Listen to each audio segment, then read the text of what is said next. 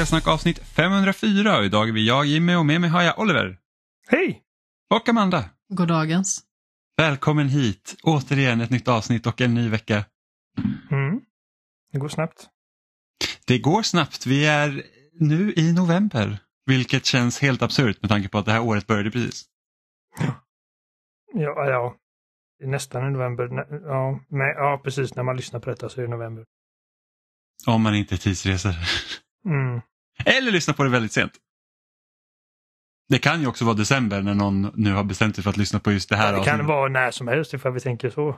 Ja, Jag fick inte riktigt som- ihop det där först när du sa eller lyssna på det väldigt sent. Ja, väldigt, väldigt sent. Så att om man känner sig att man är någon gång i maj 2024, då är man väldigt sent i att lyssna på det här avsnittet. Eller så kanske man gör som Isak som lyssnar om på avsnittet lite då och då. Om du lyssnar Då på är- detta typ eh, år, år 2050. Bara du går igenom din backlog för spelsnack. Så eh, skriv till oss på eh, ja, Twitter lär inte ens finnas då. Blue Sky. Nej, heter väl Z eller någonting sånt. mm, Elon Musk har kommit på en ny favoritbokstav. Ja, men precis. vilken sopa. Faktiskt. Alltså, Jag, jag, jag, jag har inte mycket hat i mitt hjärta, men, men jag hatar verkligen den mannen. Det, Twitter har varit, alltså i tio år varit min liksom absoluta favorit social medieplattform. Min go-to. Jag har liksom varit beroende av Twitter och suttit och scrollat varenda, alltså säkert ett par timmar om dagen. Vilket låter jätteproduktivt, jag vet, men det, det har varit så liksom. Och eh, nu, alltså alla möjliga tänkbara dumma idéer. Och inte bara dumma idéer, äckliga idéer, alltså verkligen så här toxic, manipulativt skräp. Alltså, det, jag, jag, jag offrar gärna Twitter ifall det innebär att jag bara får se honom misslyckas. Jag, jag vill se honom inte dö, inte så illa, men men jag vill se honom bara hata livet. Och, och bara känna att allting jag rör vid blir skit. Gud. Mm. Ja, det Så- sorgligaste är nog att Twitter liksom varit en plattform som man kan få liksom snabba nyheter Ja. och liksom hålla sig uppdaterad kring. Och nu så här att visst, spelnyheter funkar fortfarande liksom att typ få någonting av. Men alltså riktiga nyheter, alltså som hela den här Gaza och Israel-konflikten, det liksom går inte att veta vad som stämmer. Nej, och även Ukraina liksom- och Ryssland liksom. Alltså, ja, det är bara... Det är bara massa nazister och, och alt-right höger, liksom troll och bottar. Ja, Ifall man ser någon som är liksom blue verified så vet man att det här är liksom planetens liksom lägst stående varelser.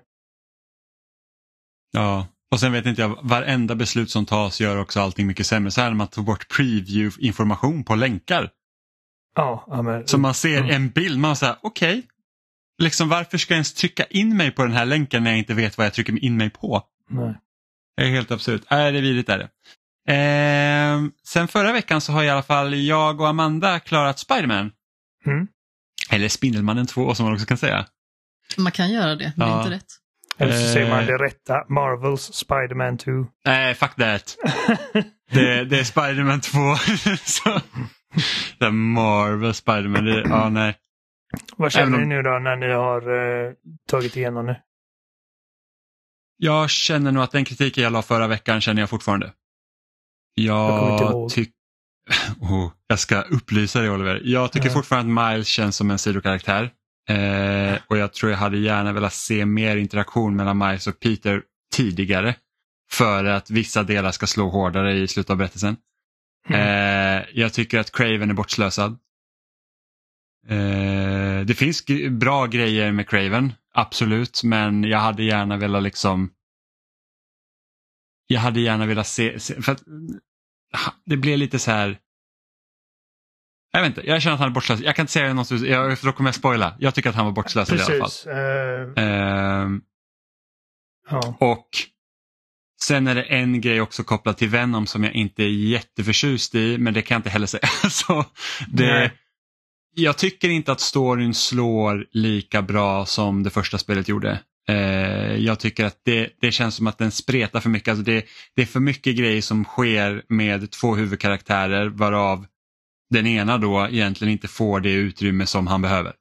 Men precis, det hade nästan varit bättre om det här hade varit liksom Peters spel, men att Miles kanske hade gjort ett litet inhopp istället.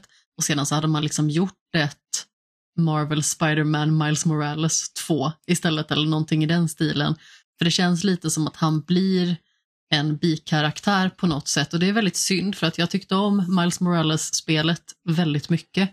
Men även jag har liksom kommit in i någon form av känsla av att jag föredrar att spela Peter för att han har liksom blivit roligare för att han har fått liksom ännu fler utvecklade förmågor i och med liksom allting som händer i spelet.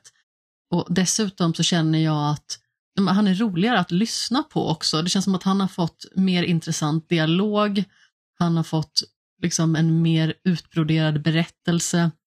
Så jag har liksom kommit in i någon form av andra andning med Peter. Att jag liksom föredrar honom mer just nu än Miles. För att det kändes lite grann som att han inte fick fullt ut det han förtjänar i det här spelet på något sätt. Rent tidsmässigt och liksom när det gäller utrymme som karaktär. Och det hade nästan varit bättre att göra två stycken spel. Jag hade inte haft problem med att de hade gjort ett nytt Miles Morales-spel som hade liksom varit i den storleken som det förra var också. Det finns jättemånga bra bitar i det här spelet med Miles, men det hade lika gärna kunnat fungera bra i en sidostickare, så som förra gången. Jag, jag hade nog inte velat offra bort Miles, alltså som spelbar karaktär. Nej, nej, men jag säger inte att han skulle ha försvunnit helt. Jag bara menar att man kanske inte borde ha skyltat med liksom att det är två Spindelmän på det sättet. Och sen så känns det fortfarande som att det är så himla tydligt Peters spel. Mm. Nej, men ja, precis. Eh, men... Man hade fortfarande kunnat ha honom spela som, fast kanske i lite mer utvalda segment, precis som att man har ganska så köttiga segment med Mary Jane också. Mm. Mary Jane som, är, som faktiskt är den bästa Spindelmannen i det här spelet. Med tanke på hur stark hon är. Inte för att spoila mer än så, men det finns MJ-segment i det här spelet också och man kan göra lite fler grejer än man kunde i, eh, i spelet från 2018 då. Men det måste det... man ju verkligen säga att hennes segment är betydligt bättre. Alltså jag tycker liksom inte att de är jätteroliga för att jag blir fortfarande lite sådär, åh nej, ska det vara ett långt ja. segment när man ska behöva smyga och ha sig med henne nu? Det är fortfarande lågpunkten liksom. Men det Även funkar det ändå. Det funkar mycket bättre i det här spelet och det känns ändå som att hon har en tydligare plats i berättelsen och i allting som händer på något sätt. Och hon har liksom en tydlig anknytning till alla karaktärerna också. Det tycker jag ändå är en väldigt bra sak. Att det liksom känns som att det är ett litet gäng som samarbetar för att hon vet om Miles och naturligtvis vet hon om Peter i och med att det är hennes pojkvän. Men de har liksom ett bra samspel de tre karaktärerna och sen så har vi Miles mamma som kommer in och vi har Genki. Så det är liksom lite, lite mer av en grupp som samarbetar. Jag, jag, jag håller med vad du sa förut Jimmy om att uh, storyn i första spelet slog hårdare i slutändan. Um, jag tror att det här spelet börjar mer exciting än det första gjorde. Um, för att vid det laget så är man liksom redan så investerad i just den här versionen av karaktärerna. Liksom att man är, man är all in direkt. Mm. Uh, men jag minns liksom hur uh, hur investerad och eh, liksom gripande, eller hur investerad jag var och hur gripande jag upplevde hela berättelsen med med Doc och, eh, och sen då liksom med Devil's Breath och eh, Peters liksom ultimata eh, offer i slutet. Um, och eh, det här spelet har inte riktigt samma umf till en slutkläm. Liksom. Um, och det blir lite ruschat i slutet också på något sätt. ja, alltså i, i, i, ett avseende ja och, och ett annat eh, blev jag liksom lite förvånad över hur, hur mycket de drog ut på just... Men som sagt, det här är sådana grejer. Jag tycker att vi, vi borde göra en spoilercast där vi bara kan vi, helt prata Vi ska fritt. göra en spoilercast. Vi ja, ska göra en precis, det är ju spoilercast. absolut tanken. Eh, men så, som liksom att jag, jag hade nog lite högre förväntningar eh, på spelet och det, det är alltid risken liksom man blandar in ganska mycket grejer som gör att det är så att, okej men för nu är det så många karaktärer och eftersom det delas ju också på Peter och Miles i en berättelse som heller inte är lika lång. Vilket gör också att då, då, då gäller det att ha de delarna mycket rappare. Och sen så när du berättade förra veckan, liksom, Oliver, när du sa att typ, ah, allt är så happy-go-lucky när man liksom spelar typ Harry, med Harry och Peter och allt det där. Och man, så bara, ja, alltså Peter har ju det för jävla svårt oftast och jag känner liksom att jag hade gärna liksom sett mer liksom karaktärsutveckling mellan han, honom och Mary Jane också. Liksom att, att de gör Mm. saker som inte resulterar i att man hoppar iväg med dräkten. Och det, det vet jag, det pratade vi redan om i förra spelet. Liksom att det är så att, ah, nu hade de problem och sen så händer någonting så då måste han svinga sig iväg som Spiderman utan att liksom få riktigt ta sin tid.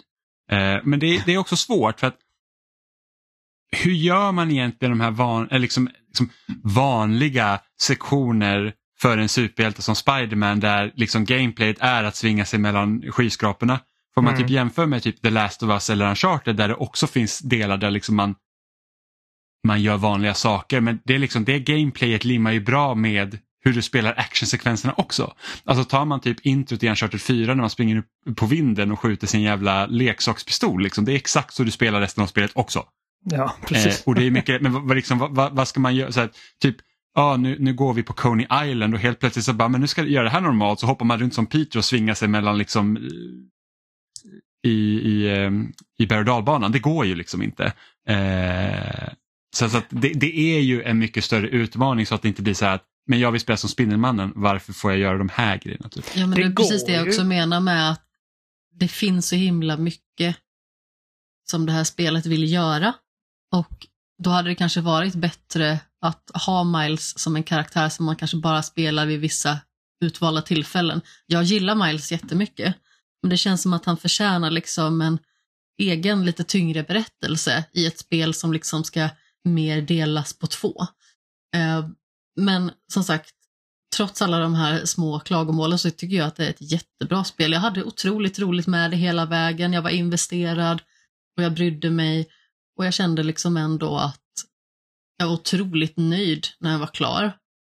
När eftertexterna rullade och sen så har jag också liksom plöjt klart precis som ni båda andra till Platinum och kände liksom så här att det var lagom längd. Jag känner mig liksom inte utnött eller för mätt på det hela utan jag känner verkligen så här en perfekt mättnadskänsla när det gäller Spider-Man. Jag har fått liksom en härlig och eh, mysig upplevelse och eh, tycker ändå liksom att det är ett spel som i alla fall tillhör toppen i år. Alltså, nu, nu, nu, vi gick ju direkt in på grejerna vi inte tyckte om med spelet nu, men, men jag tycker alltså, som sagt, jag... Det var som jag sa förra veckan, att jag det. lutar... Ja, jag, jag lutar mer mot en 4 och 5 än en 5 och 5. Och många Och det är av ändå ett bra grejerna... betyg. Det, det är ett jättebra betyg och, och, och som jag sa i samma veva, är liksom, hade det varit 10 timmar längre så hade jag liksom bara devourat det. Alltså, jag... Det spelet förstörde min spellust. Liksom att jag, efter att jag var klar med det, jag, jag, vill, jag, jag kan inte gå tillbaka till andra grejer nu. För att det, det enda jag vill göra är bara svinga runt som Spiderman. Ehm, och det Det blir den krävde... här narkos-memen, eller giffen rättare sagt. Ja, men precis. Och det tog mig en vecka. Alltså, det, var, det var fram då när det ett visst survival horror-spel från Finland släpptes som jag kände, okej, nu är jag liksom inte så mycket Spiderman obsessed längre. Men alltså, jag, jag tycker att det är ett skitbra spel. Det är bara att det, det slår inte riktigt lika hårt i slutändan som det första spelet gjorde. Ehm, och eh, jag, jag, jag har massa grejer som jag kan peka på. Liksom, så, jag önskar att det där var annorlunda eller det här och det här. Och liksom, och- men, men det är mycket lättare att göra det i en spoilercast för att det är fortfarande så pass nytt. Um, men, men, men som du nämnde också Jimmy, liksom där med Happy Go Lucky, alltså att Peter, Peter ska ha det svårt. Och bara, alltså han ställs inför väldigt svåra situationer i spelet. Men de de, lös, de liksom löser alltid de situationerna väldigt snabbt och Mm. väldigt odramatiskt. Och Vi vill ha den här- feel bad. Ja, ja, men liksom, i alla fall liksom lite, eh, lite, vad ska man säga, eh, reflektion över de här supertuffa grejerna. Alltså, det, det är inte... Jag skulle inte säga att det är en spoiler och jag skulle inte säga att det är en underdrift heller. Liksom att det ultimata liksom, hotet i det här spelet är, är liksom förmodligen det, det läskigaste och tuffaste som Peter någonsin har gått upp mot. Och särskilt Miles som inte ens varit Spiderman lika länge. Uh, men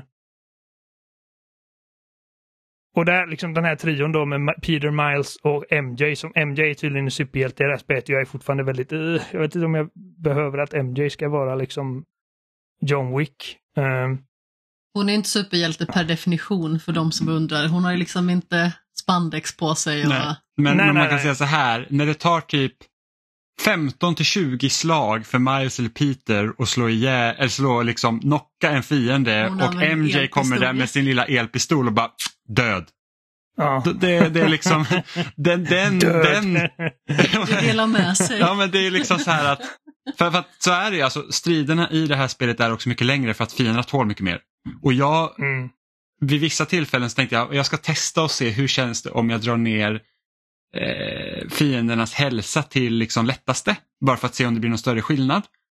Det blir inte jättestor skillnad. Nej, det blir det, ju inte det. Det är liksom att de tål fortfarande mer än vad de gjorde i första spelet på normal. Så att det, det blir så att, ah, det, det, är lite, det känns lite märkligt liksom. Eh, även om jag inte tycker att striderna på något sätt blir dryga, som det lätt kan bli när fiender tål väldigt mycket. Jag tycker, alltså det är väldigt kul att liksom styra runt och hoppa och, och, och, fightas och, och köra sina kombos. Men, men, men liksom det, det blir en konstig, det blir en väldigt udda kontrast liksom att ändå att MJ klarar sig egentligen bättre än någon av de här två med sin elpistol. Det, och jag förstår ju varför man gör så. Det är ett Å andra spel. sidan det får ju så tar hon bli, nästan ingen skada. Det, det, får ju inte bli för jobbigt att köra de här liksom sekvenserna av att liksom att jag vet inte, man får sappa dem flera gånger och sen så svimmar, för att det, det är ändå ställt sekvenser så att, så att blir det upptäckt så är det i princip kört. Men, eh, men det, det, är liksom lite kul. Eh, att, att, att det är så. Liksom. Att om man verkligen tänker på det då bara This makes no sense. ja, alltså det, det, är liksom en scen mot slutet. Jag ska, jag ska hålla mig väldigt vag, men det är liksom Peter Miles och, och MJ och de, de står inför liksom ett, ett, ett jävligt liksom potentiellt farligt uppdrag. Liksom. Uh, och stämningen är verkligen bara, men det här fixar vi, inga problem, vi är the Spider Team. Och jag bara, alltså jag önskar liksom att ni var lite mer, alltså liksom, jag hade velat ha lite mer dramatik mm. i stämningen. Det känns här, liksom. nästan som att de skulle sjunga den här Vi har ett uppdrag från Svanprinsessan. Ja, och det, och det, det är som liksom min liknelse med Uh, liksom en av de här tidigare scenerna i Miles Morales-spelet. Liksom att det enda som saknas är liksom fåglar som sjunger med i hans uh, rapmusik. och kaniner som kommer liksom, det är liksom den här typ nästan sliskiga optimist, eh, op, optimismen i allting. Och, ja. Men ja, alltså som sagt, vi, vi kommer ha mer att säga om detta när vi kan prata mer öppet om det. Absolut. Men jag tycker om jag, jag har haft liksom en vecka på mig nu att liksom smälta spelet och, och kunde inte riktigt sätta ord på vad det var som höll det tillbaka lite för mig. Uh, men uh, det, det, är ett riktigt bra spel och, och jag... Ja, alltså det, det, det är ett kanonlir och det är liksom så att det uppfyller ju liksom den här drömmen genom att styra Spiderman egentligen, precis som första spelet och, och Miles Morales gjorde. Att det, det, liksom, det känns så bra att svinga sig runt i New York Mm. Eh, och liksom och det, det, är liksom relativt enkelt också att göra det. Det, det är, liksom, ja. det, det, är inte så att man måste liksom kunna massa olika konstiga kombos. Och, liksom, och, och, det sker heller inte så stor automatik att du liksom bara kan liksom sitta och göra typ ingenting utan du får ju vara aktiv hela tiden. Eh, likt typ Sunset Overdrive så, som, som Insomniac gjorde innan Spiderman då. Eh, där det också var väldigt mycket så att det gäller att du liksom har koll på vad du håller på med för att liksom inte bryta momentum och liksom den filosofin finns ju liksom kvar här. Eh, och just Verkligen. det här med att byta så sömlöst mellan att svinga till den här eh, glidflygarfunktionen. Liksom. Mm. Att det, det, känns så pass bra och det går liksom direkt.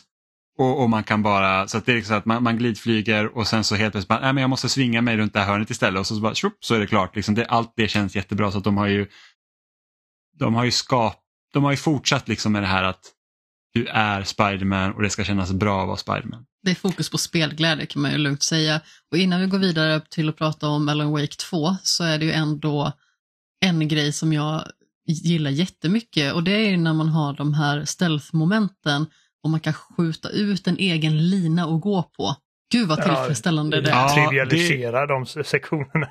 ja men det, det, är så jävla roligt för att man kan jag börjar göra riktigt så här komplicerade mönster på mina banor bara, för att, bara för att man kunde. Eh, så det, det, var visst och det gör ju så att klart att allt blir mycket lättare. För stealth är ju liksom inte i det här spelet är inte stealth lika liksom närvarande som det var i förra spelet. Utan det är liksom att det går fortare för dig att hoppa ner och puckla sönder allting. Eh, än att det gör för dig att stälta men ibland så är det bara kul att stälta med den där jäkla linan. Framförallt på slutet så gick det mycket fortare att liksom bara hoppa ner och slåss när man dessutom var typ övermäktig. Mm. Jag, jag, känner inte att, jag, jag, jag, vet inte om jag tycker att det är liksom en negativ grej att stealth inte är lika liksom Nej, nej det, det behöver, jag, jag, menar inte att det var negativt utan det var bara nej. så att det, det, är bara inte stealth. Jag gillar det jättemycket. Det är inte stealth som, som det förra spelet. För där var det ju vissa situationer det var så att okej okay, men det är bättre att jag smyger runt här. Jag gillade den detaljen i alla fall. Jag tyckte det var roligt. Ja, men det, det, det är en bra... extra roligt. Det är en bra, och det är en sån grej som är liksom makes perfect sense för Spiderman att kunna göra också. Uh, Verkligen. Så, så när jag sa att det trivialiserar de, de sektionerna, då menar jag liksom inte att åh oh, gud, det förstör spelet, utan bara liksom att det, det, man har så mycket mer frihet till uh, hur man plockar ut fienderna. Det blir, mm, det blir aldrig liksom det blir aldrig tråkigt att eh, dra upp någon och hänga ner en kokong liksom. Nej men precis, och i synnerhet när det finns ganska så stora områden där man liksom behöver kanske underlätta lite i hur man rör sig. Då blir det mm. extra tillfredsställande på något sätt. Men ni ska få prata om eh, ett finskt spel. Till Jimmys stora glädje. Ja, vi har ju, eller ja, vi, jag och Oliver har spelat Alan Wake 2. Ni är väl vi? Jo, jag vet, men jag tänkte att så inte lyssnarna blir förvirrade och tänker så här, att varför säger inte Amanda vad hon tycker om Alan Wake 2 när jag nämner vi? Alla vet hur feg jag är. Uh, det räcker ja. att jag spelade ettan. Ja, och tvåan är mycket läskigare. Mm. Uh, jag skulle inte säga att ettan är Ettan kan vara lite små creepy, tvåan kan vara riktigt jäkla läskig. Ettan är ett actionspel med horror aesthetics. Uh, och detta är liksom ett, ett, ett riktigt skräckspel. Jag var ju mest förbannad på skuggfigurerna i slutet. Ja, men vem fan var inte det? Alltså, striderna så, i så först... stora drösar liksom. Striderna i första Alan Wake var verkligen, alltså det, man, man blev verkligen trött på det spelet. Alltså jag, jag var inte ett jättestort fan av första Alan Wake liksom rent spelmässigt. Jag gillar ju storyn eh, och tyckte att det var spännande och det var därför jag spelade dem. Mm. Och nu har vi äntligen fått uppföljaren då så här 13 år senare. Eh, och om, bara för att liksom lägga upp det så, om första Alan Wake var typ inspirerat av Twin Peaks, eh, liksom det här med att småstad, det händer lite konstiga grejer, så är Alan Wake 2 är Twin Peaks The Return för att det är betydligt mer skruvat än vad första spelet var. Mm. Eh, och jag har inte spelat jättemycket, jag har spelat kanske fyra timmar och det betyder att jag inte har spelat typ någonting alls. Eh, och det finns ju två protagonister den här gången, så du spelar som Saga Andersson. Eh, som är en FBI-agent som då egentligen undersöker några mystiska mord då i Bright Falls och även då liksom det här kollar upp det så för att Alan Wake har varit försvunnen. Att han är liksom, han, mm. han, så man vet om att det har hänt, så att hon är liksom hela den snurran. Hon är inte där Alan... för att undersöka Alan Nej. Wake, men, men hon är men medveten det... om ah, den här författaren som försvann här för 13 år sedan. I, liksom. Yes, så Bright Falls liksom ligger på FBI's radar om man säger så, på grund av att det hände konstiga skumma grejer där 2010. Mm. Eh, och nu undersöker de en annan serie mord då. Och Alan Wake är ju de sekvenserna som man får spela med honom, då är han liksom fast i the dark place där han lämnades i slutet av första spelet. Då. Hur mycket har du spelat Oliver? Ungefär tio timmar. Så att du har kommit en bit? Ja, jag har kommit en jag, jag har ingen aning om hur många kapitel det är. Jag har för mig att kapitel fyra är, är vart jag är. Uh, men det är jag förväntade mig att du skulle vara på varv två vid det här laget. Ja, eller hur? Uh, nej, men uh, Alltså vi har ju varit fans av Alan Wake som koncept hela vägen, men vi, vi har ju båda känt liksom att, att det som håller tillbaka det spelet, alltså det första nu då, är liksom eh, eh, hur mycket de förlitar sig på liksom att spelet ska vara liksom en stor shooting gallery där du liksom rör dig genom mörka skogar och lyser ficklampor på, på skuggfigurer och skjuter dem med din hagelbössa. Uh, och liksom det sista kapitlet är liksom bara typ en timme av konstant mayhem. Liksom man bara skjuter ihjäl allting och, och det är liksom det blir så tröttsamt. Um, mm. Här, här, alltså det tog mig en timme in i spelet innan jag avfyrade min pistol första gången. Mm. Uh, det är så, så, jag menar, som jag sa förut, liksom att första spelet var liksom ett actionspel uh, satt i en liksom skräckberättelse.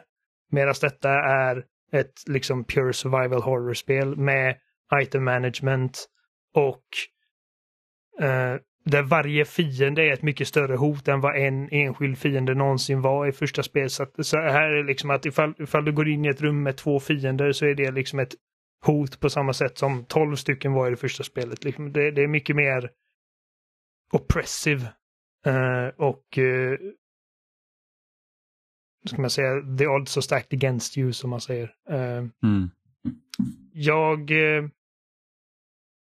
Ja, för det första, fan vad snyggt det här spelet är. Det kan, det kan vara ett av de snyggaste spelen jag någonsin sett.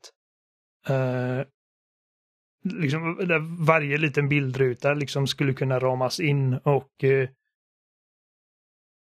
Tyvärr kör det på Xbox som, som tydligen är liksom den svagaste versionen. Uh, mycket konstiga liksom aliasing och, och effekter som går fel. Men, men även på Xbox är det ett liksom obscent snyggt spel. Um, jag, jag, är jävligt glad i slutändan. Alltså nu har man liksom suttit och väntat i, inte som på nålar liksom, men, men jag har alltid velat se dem återvända till Alan Wake. På samma sätt som man spelar Assassin's Creed första gången och bara okej, okay, det här är ett coolt koncept. De nådde inte riktigt hela vägen. Tvåan kom liksom och bara okej, okay, nu, nu är det här en riktigt bra spelserie plötsligt. Samma sätt som man hoppas på att de ska kunna gå tillbaka till Alan Wake och, och, och göra det konceptet rättvisa och det känner jag verkligen att de har gjort här och jag är glad över att det har tagit så här lång tid för dem att få det eh, liksom greenlightat för att det märks det här är ett team som har liksom haft över ett decennium på sig att tänka på det här spelet och vad de vill göra med det och vilken riktning de vill ta det. Och alla konstiga grejer de vill slänga in i det. Det här är det mest liksom Remedy-spelet som någonsin Remedyat. ja, det känns verkligen också som att den, den liksom genomslagskraften de fick med kontroll, att man kan liksom vara konstig och ändå få liksom att på någonstans hitta liksom sin publik för det och det är inte så att, ja. för Remedy har varit en ganska nischad studio ett tag, alltså liksom Även om de har haft såklart väldigt stor succé med Max Payne-spelen, alltså de alltså deras Max Payne-spel var ju verkligen alltså, riktiga hits. Mm. Eh, och, och, och hypen inför Alan Wake var ju liksom väldigt stor. Men, och, och, Alan Wake fick bra betyg också, men någonstans där så blev det ändå så här att Ja, men det blev inte riktigt vad man hade väntat sig. Det tog väldigt lång tid för det spelet att komma ut. Sen kom Quantum Break på Xbox. Ingen gillade Xbox så då gillade man inte automatiskt. Alltså, det kändes nästan som man automatiskt inte tyckte om Quantum Break för att Xbox One typ var en plattform som ingen ville vara på. Eh, och sen så fick de ett, igen ett lyft liksom med kontroll. Så att liksom, det känns som att de har, det är en helt annan, alltså spelet känns som att det kommer från en mycket mer liksom säker plats än tidigare. Så man, man liksom så att det här är vad vi vill liksom visa då, eh, rent konceptuellt av de timmar jag har spelat. Eh, eftersom det får vara så konstigt och det kopplas ju också ihop med liksom Control och, och Max Payne till viss del. Eh, så att de har liksom skapat lite av sitt eget universum i alla deras spel nu som, som binder ihop dem. Eh, och, och förutom Twin Peaks då så är det ju väldigt, väldigt inspirerat också av Stephen King känns det som. Ja, men det var även i första spelet. De ja, precis, till och med honom. ja, ja, men precis. Och det är liksom, och, och har man läst Det mörka tornet där typ för Mörka tornet är verkligen så att Stephen King gör upp med sig själv för att det tog så lång tid för honom att skriva klart den berättelsen. Eh, och Stephen King är faktiskt en karaktär i, i, i Mörka tornet också. Så känns det lite likadant här liksom med, med sättet som Alan Wake måste pussla ihop berättelsen och liksom det är väldigt mycket så här att det är svårt att, att liksom få ihop trådarna och hur ska man få fram berättelsen för att komma dit man ska och sådana grejer. Så det finns ju liksom en del underliggande och nysta i så att säga. Också inspirerat Eh. av True Detective säsong 2. Ja, och, Väldigt och, det, och, det, kän, och det Eh. känns ju också liksom väldigt eh, närgående. Eh, Mm. så, så långt också som jag har spelat. Eh, men det känns också som att med, med tvåan så känns det som att de, de realiserar lite målet egentligen med första Alan Wake. För att vi- förvisso skulle Alan Wake eh, vara open world från början och sen så ändras massa så blir det väldigt linjärt actionspel istället. Men just det här att vi sak, det har ju du och jag pratat om mycket Oliver, vi saknar lite här att varför får man inte göra något så här varför får man inte liksom göra typ detektivarbete i Alan Wake med tanke på att han letar efter sin döda fru? Liksom, det finns ingenting där egentligen som binder ihop actionsekvenserna utan det är actionsekvens på actionsekvens och som liksom, det känns framstressat att komma till de punkterna. Eh, Medan här bygger ju spelet väldigt mycket på att du får bygga ihop ditt case eh, eller liksom berättelsen på ett sätt så att både Saga och Alan Wake har ju sina typ mind palaces där man liksom nästan som en konspirationsboard eh, eh, liksom nålar fast de olika liksom, trådarna som hänger löst. Då. Och inte för att det är på något sätt svårt att liksom sätta ihop sitt case då, eh, eller för Saga då, som, som sätter ihop sitt case, utan det är mer så här du placerar ut bilderna och det är ett sätt för dig att hålla koll på berättelsen egentligen. Eh, Mm. För att det liksom påminner grejer, för att det är egentligen de, de spelsekvenserna där är ju typ som ett ä, gammalt äventyrsspel där du bara testar för att hitta rätt bild till rätt sak. Typ. Och så att du kan låsa upp nästa del i, i, i mysteriet då egentligen. Hela FBI-biten är ju det som känns mest sexigt för mig i och med att jag är en ultrafegis. Ja. Jag hade ju gärna sett ett spel som var lite mer åt det hållet, alltså mer För, för jag har spelat detta, detektivaktigt. när jag har spelat det tänkte jag det här är fan Amandas jam alltså. Liksom att typ eh, att, att pussla ihop ett fall och vara lite FBI-agent. Det är bara synd. Eller ja, inte, inte synd för mig, men synd för dig. Att spelet råkar vara ett skräckspel också. Så det är obehagligt. Ja, det, det är obehagligt. Eh, Det har inte varit så pass liksom att det har varit... Eller, Alltså jag har ju blivit... Vi har ju, bo, vi har båda blivit mer eh, tålig. Luttrade. Liksom. Ja, precis. Men hade, vi- hade det här spelet släppts 2010 hade det kanske varit riktigt obehagligt. Men, men jag har inte kommit till liksom den punkten där jag bara, åh nej, jag vill inte gå runt nästa hörn liksom. Eh, men, men det är alldeles lagom läskigt för att det ska kännas liksom. Det, det, alltså stämningen är som sagt, ordet jag, ordet jag kommer fram till hela tiden är, är oppressive. Liksom att det, det ger dig liksom inte trygghet någonstans egentligen. Särskilt inte när man spelar The Dark Place. Ehm, jag... Eh, jag, alltså, alltså, jag, jag är så jävla imp- imponerad. Det, det är liksom en, en magnifik, ett magnifikt samspel mellan alla sorters eh, liksom konstformer du kan tänka dig. Eh, bara alltså, spelet i sig och sen liksom alla de här live action-elementen som är mycket snyggare inkorporerade än vad de var i, i Quantum Break där det bokstavligen var här är spelet, här är live action, här är spelet, här är live action. Så nu är det liksom inblandat sömlöst i spelet. Och de här låtarna som kommer efter varje liksom kapitelslut och sätter liksom någon sorts eh, liksom pricken över i på det. Eh, är allting är liksom skräddarsytt skrivet för spelet och liksom har en väldigt liksom väldigt tydlig röd tråd tematiskt och passar jättebra. Och liksom, bara, bara typ all graffiti som någon tjomme där borta i Finland har suttit liksom och painstakingly designat. Det, det, alltså, det är så mycket det har så mycket konstnärlig integritet det här spelet. Um, Mm. Och jag vet att viss, vissa kommer liksom spela detta och känna sig uttråkade för att det liksom inte är action hela tiden. Och som jag, som jag nämnde, liksom att den första fienden jag mötte var liksom en timme in. Och eh, jag älskar det. Alltså, jag älskar verkligen tempot i det här spelet. Att eh, nu är det inte liksom ett konstant liksom hård mode med skuggmonster. Utan det är mycket bättre liksom balanserat i de olika gameplay och, och liksom och, och det finns pussellösningar och det finns utforskning. Alltså det är liksom ett mycket, det är inte ett open world-spel men det är ett mycket, har en mycket öppnare struktur än det första spelet. Och På både det, gott och ont. jag, jag känner liksom att jag blir ständigt belönad för att jag utforskar varje skrimsle. Mm. Eh, Det- och det, det, det var liksom någon punkt där jag kände okej, mitt mål är på andra sidan av den här kartan och jag måste springa den biten liksom. Eh, men, men, men överlag så känner jag liksom det, det är sällan dödtid där jag bara färdas. Mm. Eh, Jag, jag, det, det är lite så här typ när man gått från Spiderman 2 där det är verkligen så här att hit ska du, här är din punkt, kolla hit, här är det. Liksom att du behöver inte tänka hur du ska ta dig någonstans du vet precis vart du ska. Och så kommer man till Alan Wake 2 där det är så här att jag får typ ett det var när man, det, det är typ slutet av första liksom, nästan introduktionskapitlet då med Saga. Och då var det så här, ja det här är optional, du kan undersöka den här eh, området som tidigare var översvämmat. Och jag är så här bara, jag har ingen aning om vilket område som var översvämmat.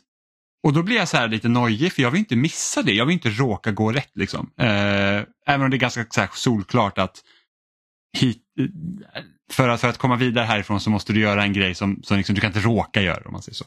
Men det var ändå så här att oj, det blir lite stressande liksom, så att jag hade gärna velat få någon indikation på typ kartan man har att okej, det här området är det som hör till optional så att jag bara liksom, okej, då vet jag vart jag ska gå.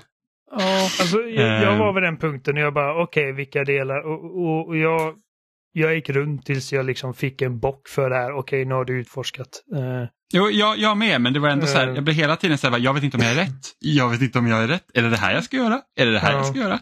Eh, så det hade jag gärna liksom fått vara, vara lite tydligare. Det men, kräver viss awareness från dig. Liksom. ja, precis, och, och, och nu är ju spel så pass, de kan vara så pass detaljrika kan man väl säga, att då är det ännu viktigare att man eh, highlightar liksom där det finns typ intressepunkter. Och det tycker jag att spelet gör lite dåligt ibland. Eh, för att ibland blir det så att jag vet inte vad jag ska fokusera på eller vart jag ska gå. eh, Nej, jag förstår vad du menar. Jag, jag tror att det har funkat för mig för att jag, jag gillar att det finns inga waypoints. Liksom. Alltså det, Nej, det, och det, det, det tycker jag är skönt. För att det liksom blir så att jag är ändå en detektiv, du ska vara uppmärksam på det som händer. Du, du kan liksom inte få spelet hela tiden att säga att det här ska du titta på, det här ska du titta på. Men jag hade gärna blivit lite nudgad. Eh, så att jag känner, liksom, för, att- jag har så jävla dåligt lokalsinne också, för mig är allting nytt hela tiden. Eh, så, så bara att man, så här, en liten knuff så, som gör liksom att okej men nu, vet, nu tror jag att jag är på rätt spår. Ehm. men en sak jag också måste säga angående introduktionen då.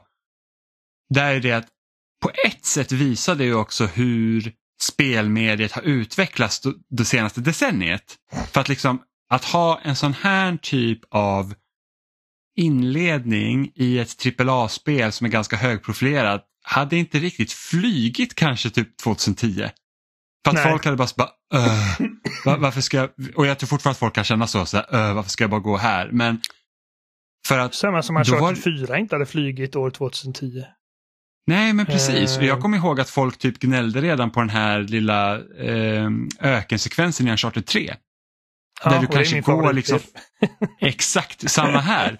Så att, att det är liksom, jag tror att hela det här liksom är att nu är man vana med att ha typ spel som så här Life is Strange eller, eh, eller ja men typ den typen av walking simulator, Journey för den delen. Liksom att, att man, du behöver inte vara liksom igång hela tiden för att det liksom ska finnas någonting av Alltså för att få, få dig vara engagerad. Jag jag vill inte säga liksom så här att du ska ha roligt för att, för att det är inte det roligaste att bara gå rakt fram och sen titta lite på, på miljöerna men det, det, det, man känner sig fortfarande investerad Ja, i för att det, det liksom är spännande. Ja. på vad som händer. Alltså, det, är liksom, det, är mer som händer än bara att gå. Det förstår ju du också givetvis. Ja, Jag- ja, jag säger ja men det precis men det är liksom, så här att det, alltså, Fast- Vi får lära känna karaktärerna.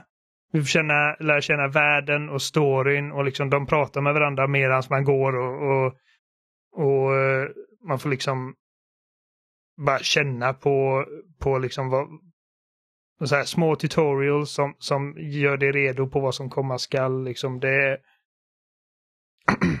jag vet inte om, alltså för det är samma som ett spel som eh, när, när Gone Home kom. Liksom. Det var ju liksom den första, Ja. ska man säga, high profile walking simulatorn. Liksom. För att det spelet har liksom rätt mekaniskt inte så mycket.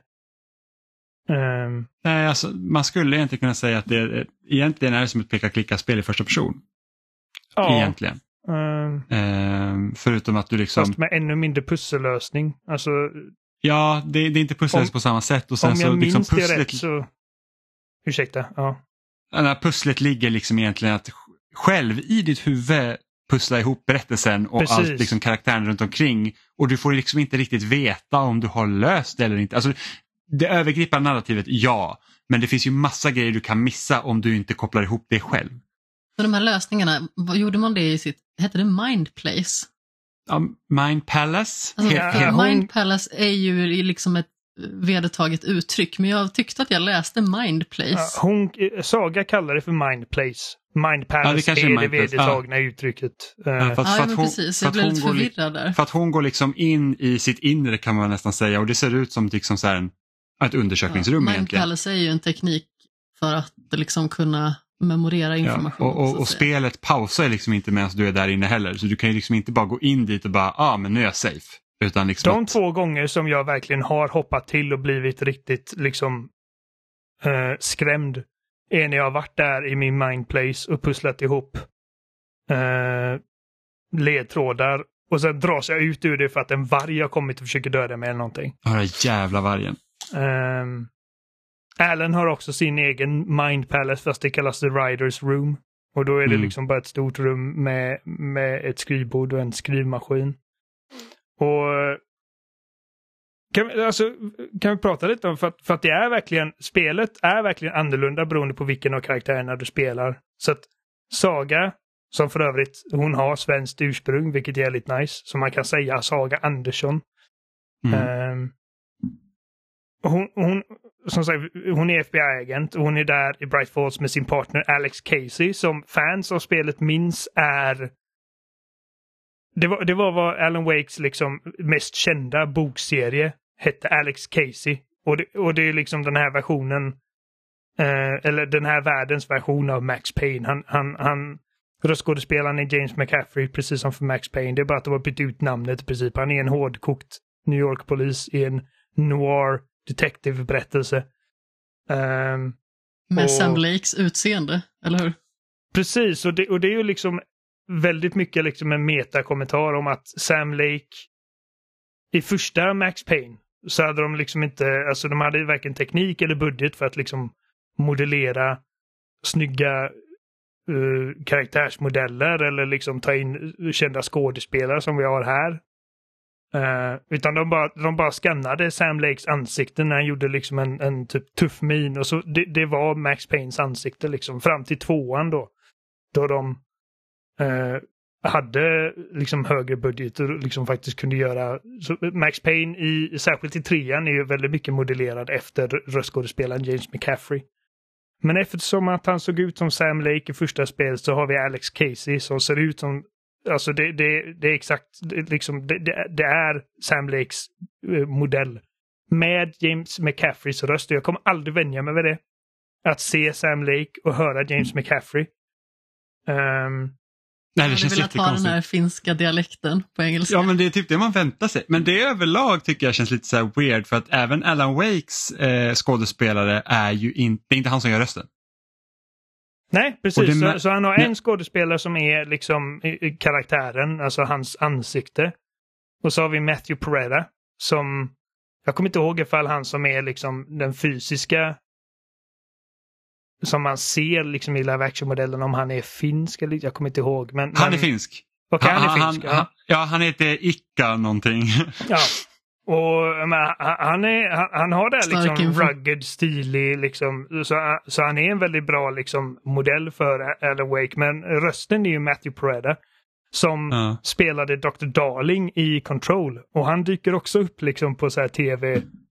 Eh. Alltså det är väldigt meta hela spelet. Det liksom kommentera på sig själv och det kommenterar på studions historia utan att liksom direkt göra det. Um, jag kommer liksom en av mina favoritsekvenser i första Alan Wake är liksom eh, nej, i, i första Max Payne. Är när han liksom inser att han är i ett tv-spel. liksom, och bara, I saw my health bar.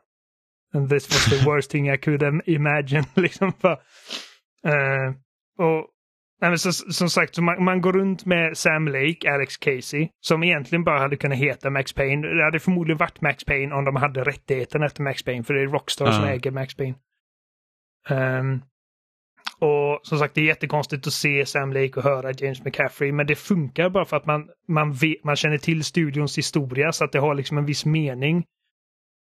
Eh, Ja, men sen så finns det ju också sekvenser, live action-sekvenser där Sam Lake spelar Sam Lake. Precis, han är sig med sin själv. finska brytning för att han har bara lånat ut då sitt utseende till filmerna men han har blivit överdubbad. Så att det är Precis. liksom, Så man ser liksom i en talkshow när Alan Wake sitter där liksom och bara he looked exactly like I always envisioned Alex Casey to look like. Liksom, det är också en kommentar på, ja. Det var så Max Payne såg ut från första så- början. Ja, så att hela det här spelet är ju typ som ett kärleksbrev till massa olika populärkultur. Det är kärleksbrev till Remedy som studio själva och liksom typ kärlek till vad de jag vet inte vad de gillar att göra. Ja, det, det är liksom, de har det- verkligen klämt in massor i det här spelet. Eh, the most remedy så- thing ever. Ja, så att jag är ju väldigt nyfiken på hur de ska binda ihop det sen. För jag, som sagt, jag har ju spelat väldigt lite egentligen. Ehm, så att, ja, det, det, det, ska- det, Wild, jag är bara glad över att de faktiskt valde att göra ett berättelsedrivet spel på det här sättet efter Control. För att jag var lite orolig där. För att Control Story tycker jag verkligen är så här att jag gillar inte hur den presenteras. Jag känner mig inte investerad. Eh, och det har vi också pratat om. Och speciellt efter man liksom sett, vi gillar ju Quantum Break. Alltså du och jag gjorde till och med en spoilercast på det för vi var helt så här, åh gud vad bra det var. Eh, och, så, och så kom man till Control och var så här att jag vill ha en story och bara, jag fick det inte. Och så tänker man, hur kommer de göra nästa spel? Och, och det här är ju väldigt mycket storydrivet. Och det var ju Eh. förmodligen också en konsekvens av att Control var så mycket lägre budget. Liksom. Alltså, det var Ja, ett ganska, absolut. ganska liksom, ödmjukt spel. Och, och jag respekterar det som fan för vad, det lyckades åst eller vad de lyckades åstadkomma med liksom, ganska enkla medel. Eh, här känns det som att de verkligen, liksom, alltså detta är ju det mest, men de har ju sagt det själva, liksom, det mest ambitiösa Remedy-spelet som har gjorts. Mm. Eh, och det, det märks liksom i alla avseenden. Och jag, jag älskar som sagt, som, som jag var inne på förut innan jag liksom ramlade iväg på ett Sam Lake, eh, hur det skiljer sig liksom när man spelar. För, för Saga Anderssons del av berättelsen utspelar sig i verkligheten i Bright Falls. Där liksom den här Mm. The Dark Presence liksom manipulerar saker mer subtilt. Liksom att hon kommer fram till den här staden och folk som bor där säger att de känner henne och att hon har bott där hur länge som helst och att en hemsk tragedi har hänt henne. Men hon bara, jag känner inte igen något av detta. Liksom. Eh, det är väldigt, liksom, allting är väldigt weird. Det är liksom en förhöjd verklighet. Liksom. Eh, och hennes mindplace är helt och hållet om liksom, hennes investigation. Ehm, där man får pussla ihop de här, eh, vad ska man säga, vad fan heter ledtrådar? Eh, för att liksom Mm. dra slutsatser och sen liksom gå vidare till nästa grej så har du liksom din mapp med olika cases som är liksom olika sidouppdrag och skit. um, medans Alan Wakes del, som du nämnde förut, är i the dark place. Liksom. Alltså han, han är fast där och han har varit här i 13 år. Och, och jag tänkte på detta häromdagen. Det är nog inte många spelkaraktärer i historien av spelkaraktärer som jag hell, liksom inte hade velat vara mer än Alan Wake. För att alltså, vilket skitliv han har. Ja, Eh, och som sagt, hans, han, liksom, the, the Dark Place manifesterar sig som en twisted, helt oförutsägbar, väldigt hostile och mörk och äcklig New York. Hon, han, så han kommer ju därifrån. Um, och allting är manipulativt och liksom designat specifikt för att bara fucka med honom. Och han försöker desperat hitta till, för han märker liksom att han, han kan ändra saker genom att eh, skriva om det på sin typewriter. Liksom, alltså, mycket av detta är ju liksom bara hans eget hans egen fantasi som är manifesterat liksom mot hans vilja i princip. Och så, Eh. det var ju också lösningen i första spelet var ju det att Alan Wake, om jag minns det rätt nu, var väl typ skapad av Thomas Zane för att lösa det med Dark Place. Han kunde få klicken som gjorde att man klarade första spelet. Ja, eller var det Alan Wake som skapade Thomas Zane? Ja, någonting sånt var det i alla fall. Så att, man- så att, och det här är något som jag tycker är väldigt kul med att, man- att man ger eh, huvudkaraktären lite så här udda yrken. Då, så att han är liksom ingen militär eller polis eller vad som helst som hade varit, nu är ju Saga det, men liksom Alan Wake är ju inte en konventionell hjälte för att han är en författare. Nej, Eh, och, och, och det var ju synd med första spelet för att man behandlar honom som en actionhjälte. Medan här har man liksom kunnat mer så att okej men han är faktiskt, han, han, han skriver och det är liksom hela premissen.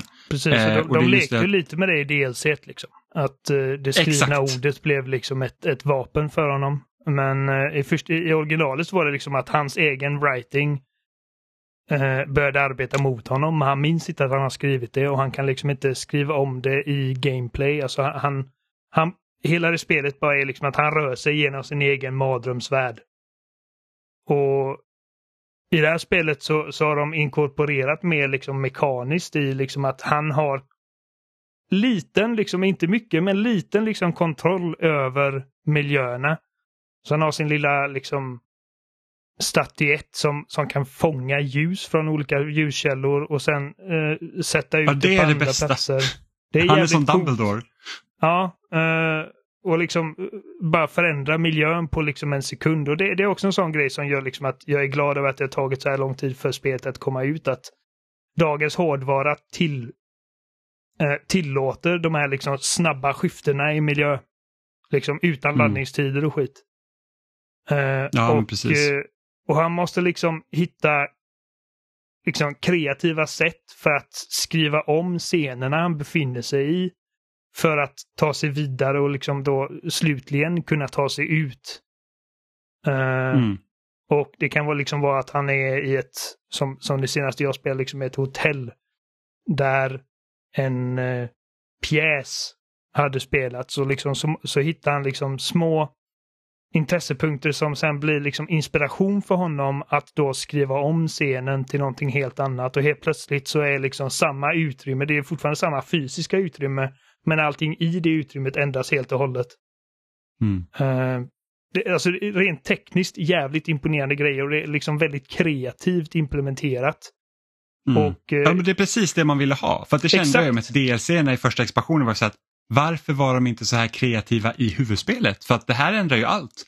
Eh, och det är de här. Det är liksom väldigt så att, ja, det, det, och nu det är blir det liksom ännu inte... snyggare gjort här än vad det var i det DLC. Ja. För då var det Ja, liksom att absolut. du Mycket, hade mycket text där det stod liksom flashbang och så lyste det på den och så dök det upp en flashbang.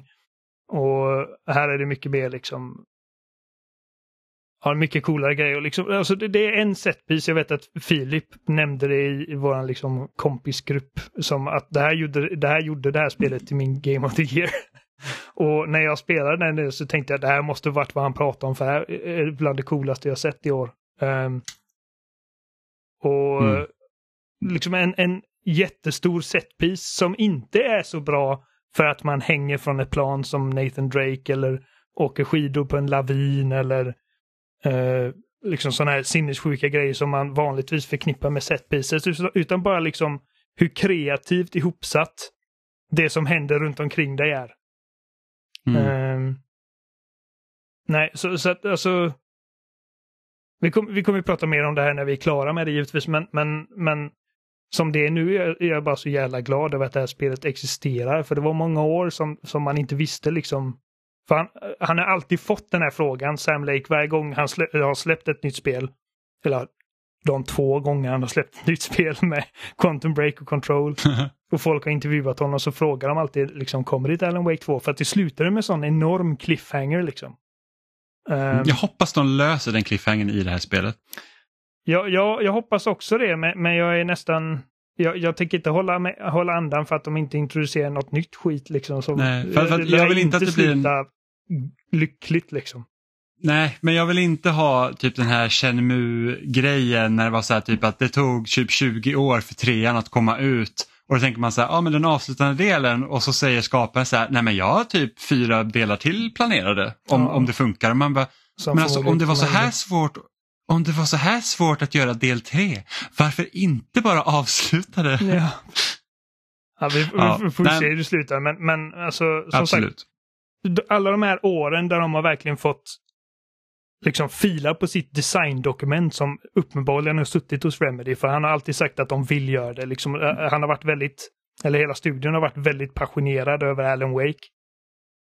Um, så över ett decennium bara liksom att bolla idéer och tänka på det här spelet och sen liksom då där vi hamnar idag med tekniken vi har idag och vad det tillåter dem att göra med, med all den kreativiteten. Det är liksom ett högbudget AAA-spel som, tar, som vågar ta risker och vågar vara väldigt weird och annorlunda och inte liksom håller det i handen och är liksom unapologetically bara sin egen grej. Det påminner inte om någonting annat egentligen.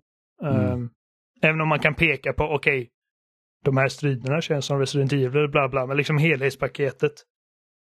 Um, så eh, liksom, eh, folk som är intresserade kan googla eller gå in på YouTube och sök 13 minutes of Alan Wake 2 Gameplay Unreleased. Polygon släppte för ungefär åtta år sedan så de hade det läckt. Eller om det var att de hade släppt det, jag vet inte. Men det var liksom 13 minuters gameplay från en prototyp av vad som hade kunnat bli Alan Wake 2 och det ser ut exakt som Alan Wake 1. Mm. Och jämför då liksom med vad vi fick för att det inte liksom kom igång. Det, ibland så löser sig saker i livet alltså. Mm. Ja men verkligen. Eh, den enda lilla petpiven jag har det är det att du kan inte spara när du vill. Nej, och det är och... väldigt långt mellan checkpoints. ja, de är inte generösa med checkpoints. Jag köper hard också. Och, ja, och uh... spelet, eh, spelet har vissa tekniska problem vilket gör att man ibland måste typ ladda om eh, den senaste checkpointen för att du kommer inte vidare. Ja, det, det, ska det också sägas att det inte är buggfritt. Alltså jag, jag, jag förlorade 20 minuter här igår för att jag föll igenom all geometri. Ja, och det mm. gör nog att jag inte har spelat mer för det är så att jag har inte tid att sitta typ i en halvtimme, 40 minuter. Mm. Och jag måste kunna sluta när jag vill. Du första hotfixen liksom. ja, så att, så att eh, jag hoppas, så här, vill man att sparrum ska vara en grej, fine, men låt mig spara och avsluta. Så att jag måste börja där jag är då. Mm. Ja, precis. För det finns ja, ju flera alltså, spel som har löst det tidigare. Du har ju bara slipfunktionen. Ja, men, och så kommer en uppdatering och så startar, startar spelet om. Ja, men det är typ, jag använder slipfunktioner jämt och det tror jag det ja, ja, ja, jag, Det gör jag också. Ja, och hur många gånger har det hänt dig Amanda att ditt spel har stängt av sig för att det varit en uppdatering? Det har hänt några gånger men samtidigt så har det inte varit ett så jättestort problem. Det är någon gång som jag har förlorat Ja, men jag, jag, jag, jag, brukar alltid stänga av mina spel. Liksom. Uh, men ja, men det var... Ja, vi, vi kommer att prata mer om det här säkert kommande veckan eller något sånt. Jag vet inte ens om jag hinner klart med det här till nästa gång. Liksom. Men uh, för jag har för mig att det ska vara rätt så långt också. Uh, ja, jag vet. Så det blir spännande. Eh, jag testade också betan av The Finals eh, som ex Battlefield-folk har gjort. Eh, och Nej, Emma jobbar där. det är bara Emma som har gjort. Ja, det är bara Emma som har gjort det. Precis. Emma som, eh, och de som har lyssnat på spelsnack eh, länge vet att Emma var en del av vår podd tidigare. Eh, och egentligen, hon, hon, är en del av vår podd nu också men hon är liksom inte med och spelar in om man säger så. Eh, så hon, hon, hon, jobbar på en Bark Studios som utvecklar spelet eh, så att alla vet. Eh, och jag, jag körde betan på PC tidigare i våras och jag är så urbota dålig på PC-spel att det, det är liksom, jag är riktigt dålig. Så att det, jag, får liksom inte till siktet. Så att jag har ju väntat liksom egentligen på en konsolversion och nu var det även beta för eh, konsolerna. Då. Eh, och jag hann inte spela så mycket, jag hann spela en match varav jag fick vara själv i mitt lag mot två andra lag varav ett av dem var full och den andra var två. Liksom. Eh, så det var inte liksom optimala förutsättningarna heller att spela på men det är en sån här extraction shooter som, som kidsen kallar dem. Där man där man får liksom ett objektiv på banan så att här är det pengar, det ska du hämta och sen ska du ta tillbaka det till din liksom cash out så att säga och den som får 20 000 dollar den vinner. Liksom. Eh, och The Finals är liksom ett typ så stort typ tv-event och du har ju liksom en speaker som, som hela tiden säger till hur det går i matchen. Typ så bara, ah, men det här laget de har liksom blivit eliminerade nu och så bara, ah, nu kom de in i matchen igen och de här leder och nu håller de på och försöker liksom ta pengarna på den här platsen så att det, det är liksom format som, som en tv-show eh, en gameshow. Liksom. Eh, men det som egentligen gör så att det sticker ut det är liksom att de har ju tagit liksom destruction till sin spets. Du kan ju typ skjuta sönder allt. Eh, och det är så bara, ah, här är ett hus i vägen, ah, men jag slänger en granat dit, spränger upp väggen och sen hoppar jag in liksom, och så, så får jag, får jag eh, börja eliminera folk. då. Eh,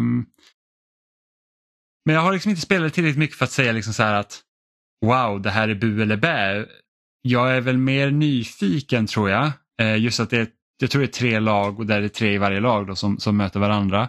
Eh, och jag har ju liksom inte riktigt spelat den här typen av shooter-genre och gett det liksom en större chans överlag. Det är ju liksom, det är flera spel under utveckling nu och jag vet inte om det är något spel just nu som ens liksom står på toppen av den tronen av den typen av shooters. Liksom. Eh, så det här ska ju typ kunna vara nästa stora heta grej. Eh, men jag är ändå pepp på liksom är det någonting som man, som man känner liksom att Battlefield har saknat det är det att de inte riktigt har vågat gå ännu hårdare på, på förstörbara miljöer och jag förstår ju varför för det är svårare att göra banor som du kan liksom demolera. Eh, allt när det kommer till balansering och sånt. Men även liksom som det var i Bad Company 2 har man liksom saknat senare Battlefield där man liksom kan typ rasera en hel byggnad. Eh, även om du inte kunde göra det med alla. Då. Eh, men det som jag tror är mest som liksom gör att det här sticker ut lite det är det att det tar ganska lång tid att döda eh, fiender. Så att det, du kan inte liksom springa in Call of Duty style och bara säga att ah, jag såg dig i ryggen när jag började skjuta på dig och du dog. Utan det är liksom, man har ändå rätt så mycket liv vilket gör att time to kill är tar längre tid vilket gör att man liksom kan inte bara, du kan inte som ensam springa in i ett extraction room och bara säga att nu skjuter jag alla här för att jag liksom fick överhanden utan du kanske kan skjuta en kanske två om du har tur men liksom alla lär ju vända sig om och liksom skjuta mot dig. Så jag ser fram emot när det här spelet släpps och kunna spela mer av det. Jag hoppas att vi kan liksom samla ihop ett gäng och spela tillsammans. Jag tänkte skriva och fråga dig Oliver om du ville spela The Finals någon, någon dag men jag har liksom inte haft tid. Eh, för jag har liksom spelat lite Alan Wake och sen har liksom, jag har spelat mer Super Mario Wonder som jag också recenserar som min recension släpptes igår då, när ni lyssnar på det här. Så att det, det har liksom varit mycket sådana grejer. Eh, vilket gjort att jag inte kan spela mer, vilket är lite synd tycker jag. Men det verkar lovande.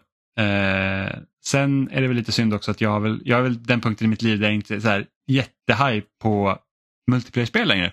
Av någon anledning. Jag, jag känner att jag har liksom inte tid att bli bra på dem. Blivit smittad av mig? Ja, inte, ja kanske. Men, men ändå, det är liksom så här att jag, jag känner att jag har inte ro att sätta mig in i ett multiplayer-spel som tar en massa tid när det kommer så mycket andra spel som jag också vill spela. Om man inte upprätthåller det, det så tappar man. Alltså jag, jag och Adam testade nya Halo-uppdateringen, eller säsongen. Ja. Och jag är så jävla dålig på Halo. jag brukade vara grym på Halo. Vad är det som har hänt? Ja. Men, men, liksom, men då spelar man Halo så jävla mycket också. Liksom, och, eh, när du och jag spelade Halo liksom varje månad typ i år. Ja, Ja, och vi kunde ha, jag kommer ihåg så här, när jag pluggade också eh, och vi spelade typ Halo 5 varje dag. Ja. Liksom, det, det kanske spelade sig, vi kanske hade en så här Halo 5-period i typ två månader, sen så var vi borta från spelet i tre och sen så tog vi upp det igen och bara fortsatte. Mm. Eh, jag spelar Infinite ibland och det går väl liksom helt okej. Okay. Men det är också så här att om man har ett multiplayer-spel som man liksom spelar mycket och, och just nu hur livet liksom ser ut, då är det det du spelar. Och just med att det finns liksom inget slut i multiplayer-spel. Liksom, du kan ju spela det för oändligt. Nej, det, det, det släpps för mycket coola eh, single play-spel och, och, och, andra ja. grejer för att man ska liksom kunna upprätthålla en viss skillnivå i ett spel. Så här. Ja, för förut var det ju så här typ att jag kunde ha ett single play-spel och ett multiplayer-spel igång samtidigt. Så man liksom varvar dem då när man liksom är sugen på ett eller annat. Nu har jag kanske typ tre single play-spel jag varvar istället. Ja, Så liksom, så att, det, det, det är svårt. Eh, men eh, jag hoppas att jag hoppas det går i alla fall bra för spelet. Det, alltså det, det, var, det, det lilla jag spelade var kul. Så kan vi säga. Men nu har det blivit dags för quiz. Och- Quiz. Och om jag inte har fel så är det Amanda som har förberett frågorna idag. Det har jag. Det vore ju pinsamt annars om det vore någon annans tur. Ja, eller hur? Bara kommer fram någon här gubben i lådan bara jag har frågor. Ja, men vi sa ju förra veckan att vi funderade på att liksom göra om formatet, men det verkade ju som att eh, folk jättegärna Folk ville ha var det här. väldigt peppade på att ha femfrågors Alltså vi, Det vi var någon fick- som till och med skrev, hörde jag tio frågor? Ja, alltså vi, vi får, Gud, jag har får... missat den här diskursen. Ja, men det är nu, det, det var ju du, Det är på du, loading det händer. Vi kan väl säga så här Oliver, de, de, de var mer inne på din sida att det skulle vara fem frågor. Eh, både Ola Ding och Sagnol på loading har liksom så här att när de tycker att quizen är bra så att vi får försöka lösa det eh, helt enkelt. Ja, Eh, precis. Sen så kanske vi behöver forma om det lite Ja, grann, precis, men utgå det- ifrån fem frågor. För så här, det kommer bli svårare och svårare att göra frågor som passar alla. Och jag tror att vi kommer behöva gå för att köra flervalsmodellen för att då kan du i alla fall gissa rätt. Ja, men precis. Då behöver man inte heller sitta och försöka värpa fram ett svar jättelänge och liksom bara försöka uppfinna ett svar. Ja, men fram till årsskiftet så kör vi i alla fall fem Skulle- frågor, frisvar. Man skulle ju kunna att vi alla tre tar med oss två frågor var varje vecka. Så hade man kunnat göra. Jag tror inte på den idén. För att det är ganska skönt att inte behöva tänka på frågorna varje vecka. Ja, men precis. Jag tycker det är ganska roligt att man liksom får eh, hålla i taktpinnen. Ja. Och sen såklart, vill lyssnare skicka in frågor så går det jättebra. Det hade ju också varit liksom en, en idé. Precis. Eh, Vi, Vi skulle kunna göra ett- som så att vi sätter ihop liksom en femma av frågor som folk skickar in. ja, så, så att det går jättebra. Då Då får man ju, med en oberoende part. ja, men precis. Så, så att Man- det, det kan man göra. Vi får komma på ett system för hur vi sköter det då. Ja, men det, vi tar det då om vi får frågor. Ja, men precis. Ehm, så, men Amanda, då är ordet ditt. Det här är tydligen quiz nummer fyra som jag håller i. Oj, oj, oj. Jag har upprätthållit ett eh, dokument här, eller upprättat ett dokument rättare sagt. Där jag skriver upp alla frågor och svar som jag själv har Så jag knåpat kan ihop. titta på min förträfflighet. Nej, men så man kan hålla lite koll i efterhand på vad man faktiskt har eh, valt för olika spel och så, så att det liksom inte väger över för mycket på någonting. Men då kommer i alla fall fråga nummer ett. Jag hoppas att ni är redo. Jag är redo. Jag har aldrig varit mer redo. I vilken byggnad utspelar sig striden mot Mr. Freeze i Batman Arkham City? Eh, Jag vet. Jag tror jag vet. Oliver får börja. Eh, Gotham Police Department. Jag skrev polisbyggnaden. Jag Ja, tycker men jag borde precis. få rätt för det. Båda är rätt. Yeah. GCPD-byggnaden, den gamla. Det stämmer bra det. En poäng till båda två med andra ord.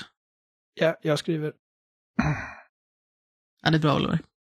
Jag har koll. Kommer fråga nummer två. Hur många fisksorter finns det i Animal Crossing New Horizons? Åh herregud! är det närmast vinner? Då måste jag tänka, fan jag har ju spelat så mycket New Horizons. Eh, gud, hur många sidor fisk är ens? alltså, Det det, måste ju vara hundratal. alltså snackar vi unika fiskarter då? Ja, hur många fiskar finns det? Ja. Så inte typ eh, ja, vanliga fiskar och bläckfiskar och hajar. Ehm, Nej, nej men precis. Jaha, så hur det- många fiskar? Det räknas bara fiskar, inte allt som man kan få upp då? inte stövlar och sånt, nej. Nej, okej, okej. Nej, nej, men med alla liksom havsdjur. Alla havsdjur antar jag då. Ah, okej. mm. Precis. Alltså en stövel är ju ingen fisksort. Ja, nej, nej, precis. Men jag tänkte så här att... Åh, fan kan det vara det? Åh, jag försöker se, se det framför mig. Så bara, hur många sidor av fiskeboken fanns det och hur många fanns det på varje liksom, rad? Jag, Eh, jag ja, men jag, ingen aning. Ja, jag gissar. Är det närmast vinner eller? Nej, Ah, det är rätt svar. Hårt. Ja, det, det var riktigt Ja. hårt. Ko- Kommer, kommer, det, blir, det blir kul sen på onsdag när Stefan skriver Jag fick alla rätt. Ja, men jag har ett svar. Ehm, Ja, jag gissar 50. Oj. 128. Det är nästan mitt emellan, det är 80 stycken. Fan, jag tänkte 88 först. Men jag tänkte det lät lite. Det är tydligen åtta fler än i New Leaf. Ja, okej. ja, men Jag hade kunnat ge den ledtråden, men jag tänkte att den kanske inte säger så Nej, det sa faktiskt Jag har ingenting. inte spelat New Leaf. Det där, det där var en alltså, borderline omöjlig fråga. Fråga Men nummer det går ju tre. ändå att gissa sig till. ja, men, ja, Ja, men det var inte så här, nästa- en miljon eller det var så här, hur många planeter finns det i No Man's Sky? Nej, så orimligt är det faktiskt. Ah, det är på exakt samma nivå, håll med mig Oliver. Ja, det, det är lite så här bara hur många, hur, hur många stjärnor har vi i Vintergatan? Ja. Hur många Nej. sandkorn finns det i Uncharted 3? Ja. Nu Ja, får ni ju hålla er. man kan ju gissa sig fram. det går att gissa sig fram. Fråga nummer tre. Mm. När jag först bekantade mig med Super Smash Bros fanns det två karaktärer från Fire Emblem, Marth och Roy. Men hur många spelbara karaktärer från den spelserien finns det egentligen i Super Smash Bros Ultimate? Ja, gud. Oj, 300. nu ska vi... Alldeles för många. 300 precis.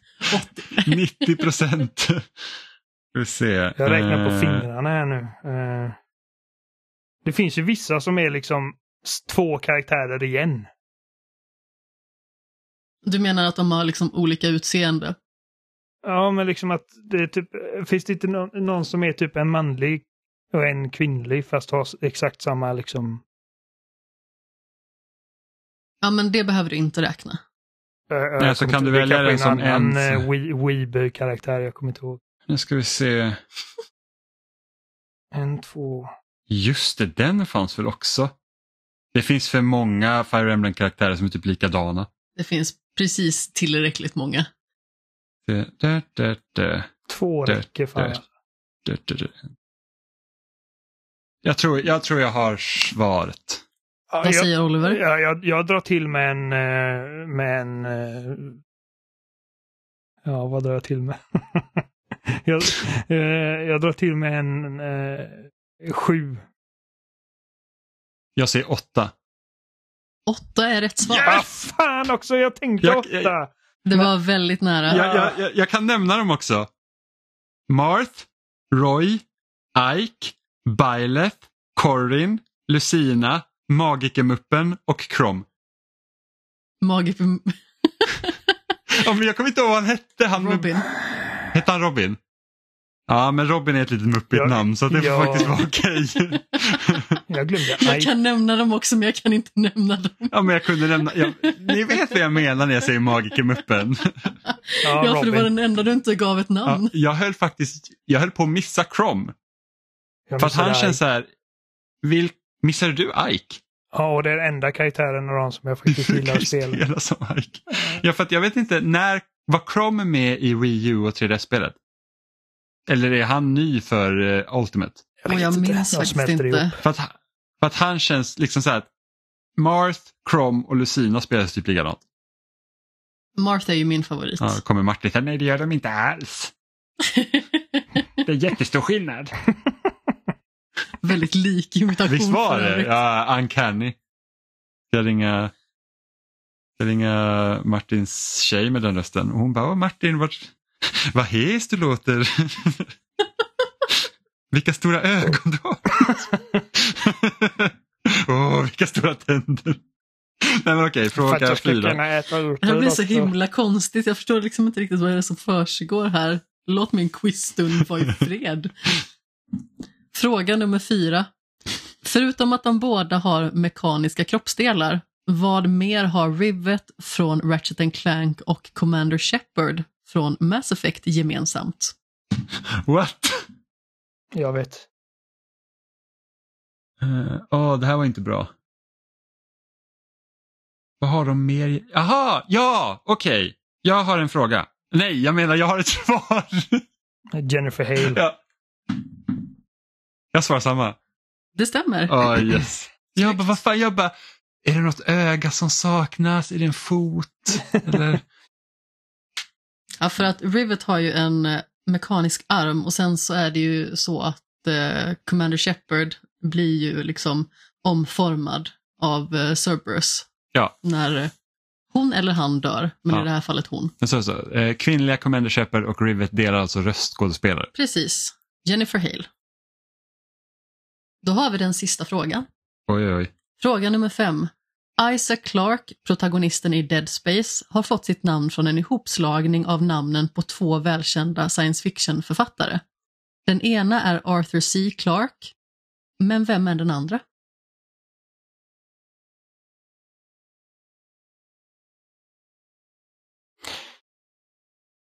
Arthur C. Clarke är alltså författaren till bland annat eh, 2001 A Space Odyssey. Mm. Det var ju det jag hade kunnat.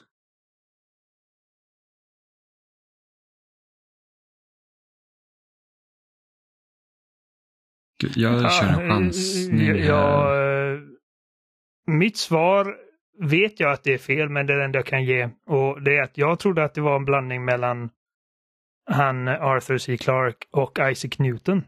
Så att jag säger att det är Isaac Newton, men, men han var ingen science fiction-författare, så att det är förmodligen fel. Jag, jag skrev, och det här vet inte jag om det beror på att vi har en bok med det här efternamnet. Det, vad heter han? Isaac Asimov eller något sånt. Det stämmer. Va, gör det?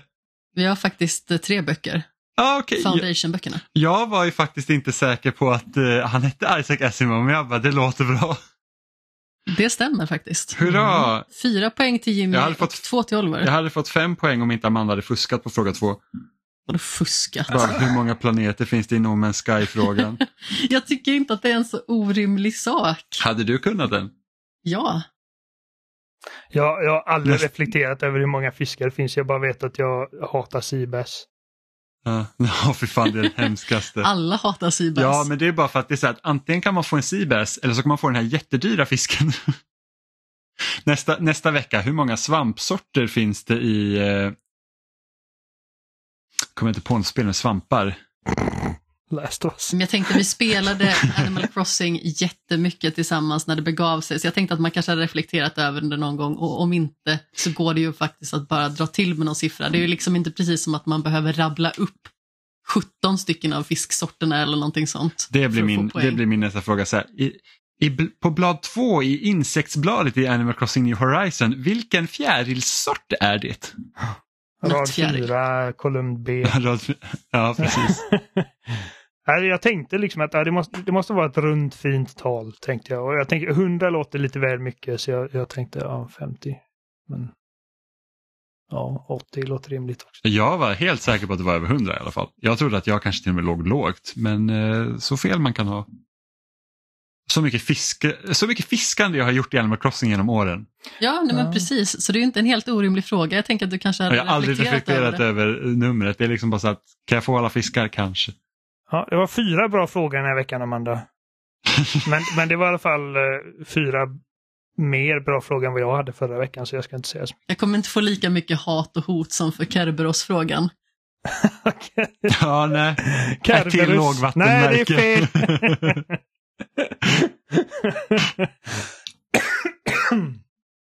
Ja, men det är bra jobbat Amanda, förutom Ja. en fråga. Det är så här, bara, man tittar på frågan säger bara, den här är bra, den här är bra, inte du, den här är bra, den här är bra.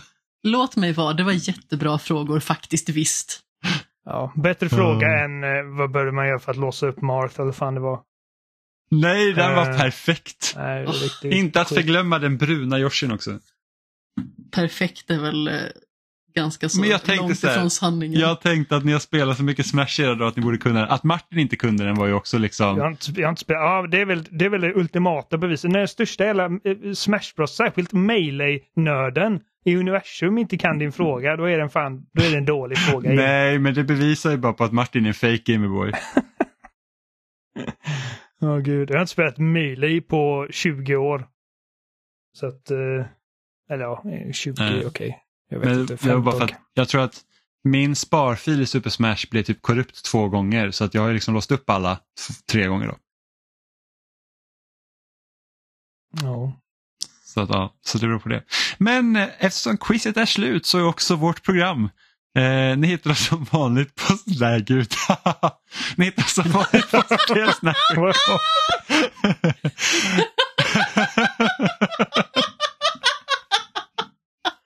jag vet inte vad som hände, jag fick typ hjärnsläpp. Mhm. Ni hittar oss varit på spelsnack.com. Där finns också alla länkar till ställen vi finns som Spotify, Apple Podcast, RSS-flöden, YouTube, eh, Facebook, Twitter. Kommer aldrig kalla Twitter för X. Eh, Twitter, eh, ja, och loading.se. Vi finns där poddar finns helt enkelt. Och vill ni höra av er till oss, antingen skicka en fråga, eller frågor får ni skicka på mejlen, ingen annanstans. Eh, Så skicka dem till kontaktetspelsnack.com eller byt ut något av våra förnamn spelsnack.com. Ifall ni vill ställa frågor till oss som inte hör till quizet, då kan ni ställa dem var ni vill. Ja, precis. Instagram, loading.se. Det finns bara bra alternativ eh, till det. Eh, och, och om inte annat så hörs vi igen nästa vecka. Skriv Hej. gärna på en enkät där Oliver och Jimmy inte ska mörda mig för fiskfrågan. Ja, Nej, kom då, på omöjliga frågor som vi kan ställa specifikt till Amanda. Det, det, det, var, det var alltså överlag Jag tog en bra, klunk dricka samtidigt. Bra frågor, Amanda. Typ hur många polygoner var det i Marios näsa i Nintendo 64 och hur många polygoner i Marios näsa var det i Super Mario Odyssey? Snacka om att ni verkligen så här Det går ju att här gissa sig till, det är bara att ta ett tal. Ja, Säg bortom en siffra. proportioner. Ja. hur, hur, hur många olika Hur många kombina- Hur många Animal Crossing-fiskar går det på Marios näsa? hur, hur, många, hur många kombinationer kan man eh, shuffla en kortlek på? Svaret är det. 8 och 67 nollor tydligen. Tydligen, var fick du den här informationen ifrån? Jag, jag såg en Neil deGrasse Tyson-video om detta förut. Ja, okej. Vilket är att Ja, ja. din kortlek som du har nu, är, det är ytterst osannolikt att den någonsin har varit i den, liksom i den ordningen någon annan gång i, i mänsklig historia. Det är rätt sjukt. Det är jävligt sjukt. Hej då med er! Ja. Med det sagt, vi hörs igen nästa vecka. Hej då! Puss i